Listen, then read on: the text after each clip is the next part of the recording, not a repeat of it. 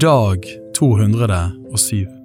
I dag får du høre bibeltekster fra Ordspråkene kapittel 19 vers 22 til 23.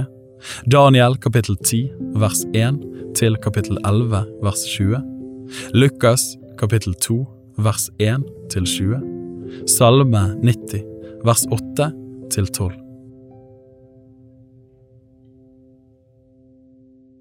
Ordspråkene kapittel 19 vers 22 til 23. at menneskets ønske er miskunn. En fattig er lykkeligere enn en mann som lyver. Herrens frykt fører til liv, og mett får en gå til hvile uten å bli hjemsøkt av ulykke.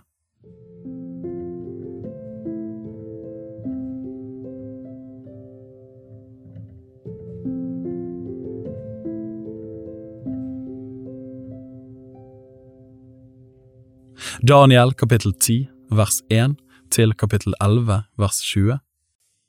I perserkongen Kyros tredje år kom det i en åpenbaring et ord til Daniel, han som hadde fått navnet Beltsasar.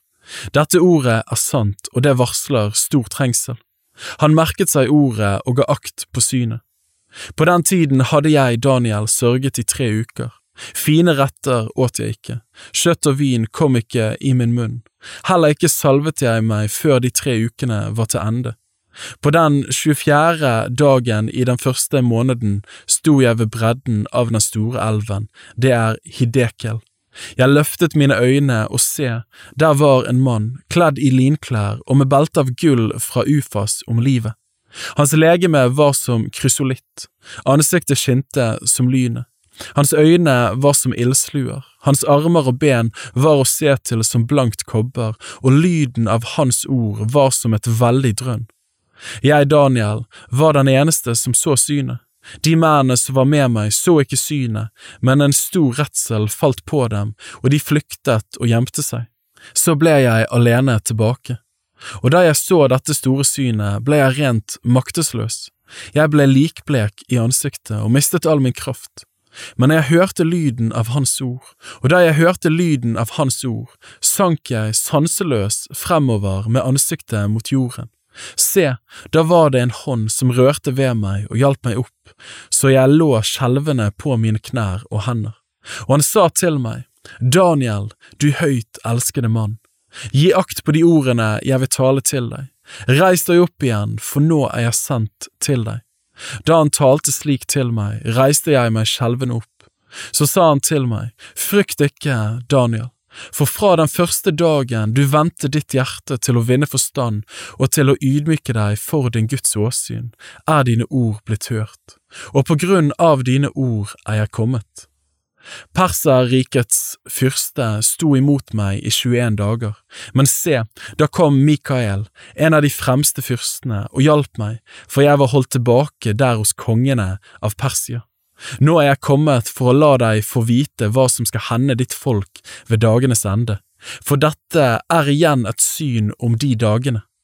Da han talte slik til meg, bøyde jeg ansiktet mot jorden og sto målløs.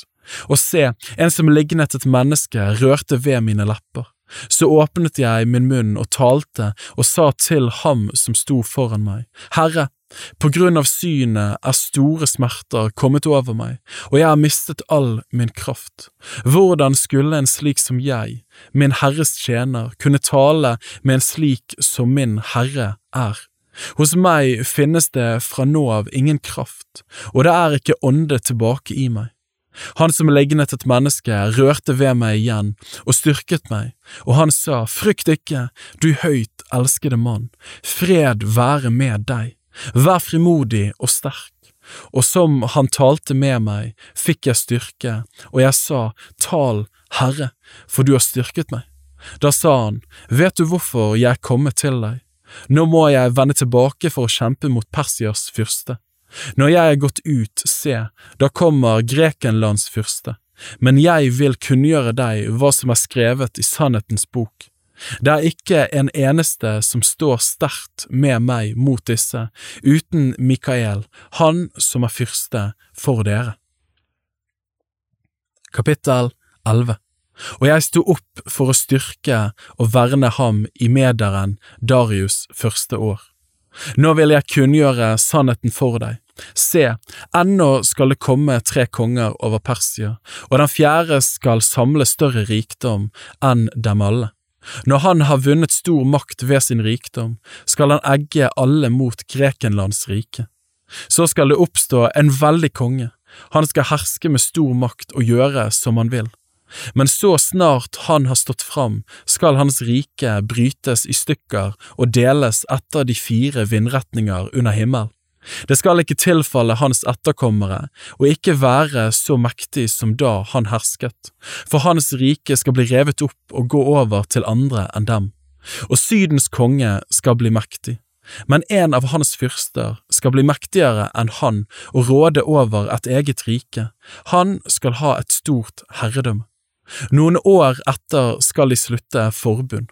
En datter av Sydens konge skal komme til Nordens konge for å skape vennskap mellom dem, men hun skal ikke lenge formå å utrette noe. Verken han eller datteren som skulle hjelpe ham, skal holde stand, og da skal de bli overgitt, både de som brakte henne dit, han som avlet henne og han som fikk henne. Men ett av skuddene fra hennes røtter skal overta hans plass.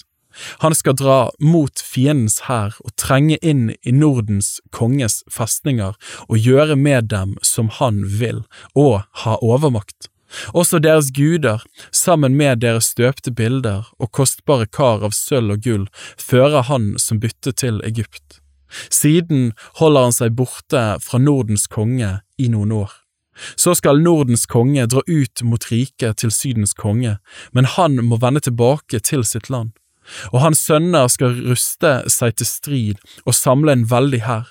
Den skal dra inn i landet og oversvømme det og strømme igjennom. Så skal den komme igjen, og krigen skal føres helt fram til hans festning. Da skal Sydens konge bli harm, og han dra ut for å kjempe mot Nordens konge, som stiller en stor hær. Men den skal gis i hans hånd. Når denne hæren er blitt drevet bort, skal han bli overmodig.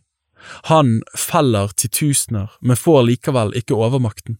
Nordens konge skal komme igjen og stille opp en hær som er større enn den første. Når noen år er gått, kommer han med en stor hær og stor utrustning. I de tider gjør mange opprør mot Sydens konge. Voldsmenn av ditt eget folk skal også reise seg, så synet blir stadfestet, men de skal falle. Nordens konge skal komme, kaste opp en vold og innta en sterkt befestet by. Sydens hærstyrker vil ikke holde stand, selv ikke hans utvalgte mannskap har kraft til å stå fast. Den som rykker mot ham skal gjøre som han vil, ingen kan stå seg mot ham. Han får fotfeste i det fagre land og fører ødeleggelse med seg. Han skal sette seg fore og komme med hele sitt rikes makt, men er villig til å inngå forlik.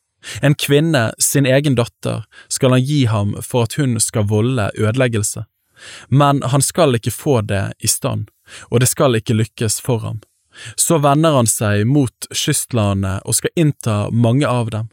Men en hærfører gjør ende på hans hån og lar hans hån falle tilbake på ham selv. Da vender han seg mot festningene i sitt eget land, men han snubler og faller og er ikke mer. I hans sted skal det oppstå en som sender en skatteoppkrever gjennom det landet som er rikets pryd. Etter få dager skal han omkomme, men ikke ved vrede og ikke i krig.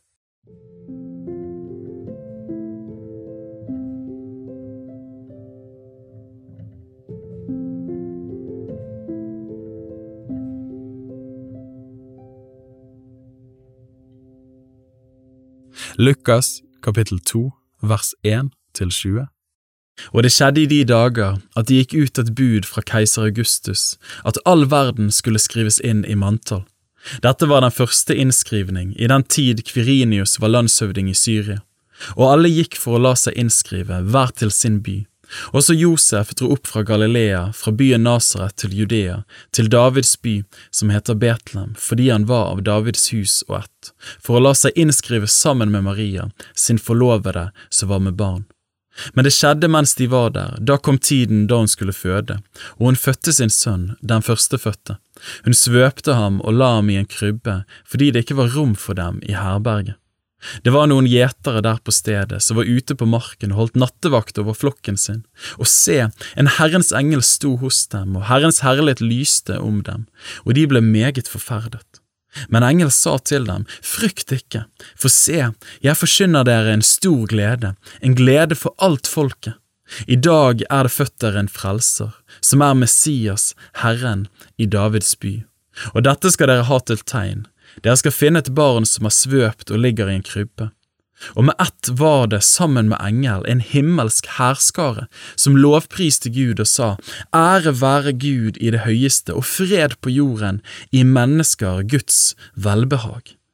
Og det skjedde, da englene var fart opp fra dem til himmel, da sa gjeterne til hverandre, La oss nå gå rett til Betlehem og se dette som har skjedd, det som Herren har kunngjort oss. De skyndte seg av sted, og de fant både Maria og Josef og barnet som lå i krybben. Da de hadde sett det, fortalte de om det ordet som var talt til dem om dette barnet, og alle som hørte det, undret seg over det som ble sagt dem av gjeterne. Men Maria tok vare på alle disse ordene og grunnet på dem i sitt hjerte. Gjeterne vendte så tilbake, og de priste og lovet Gud for alt det de hadde hørt og sett, slik det var blitt sagt dem.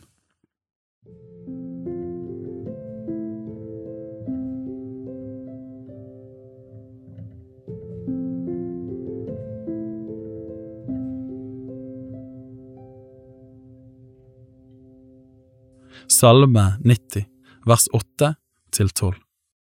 Du har satt våre misgjerninger for ditt åsyn, vår skjulte synd i ditt åsyns lys. For alle våre dager er flyktet bort under din vrede, vi har levd våre år til ende som et sukk. Vårt livs dager er 70 år, og når styrken er stor, 80 år. Det stolthet er strev og tomhet. Hurtig farer de, vi flyr av sted. Hvem kjenner din vrede styrke og din harme, slik frykten for deg krever? Lær oss å telle våre dager, så vi kan få visdom i hjertet.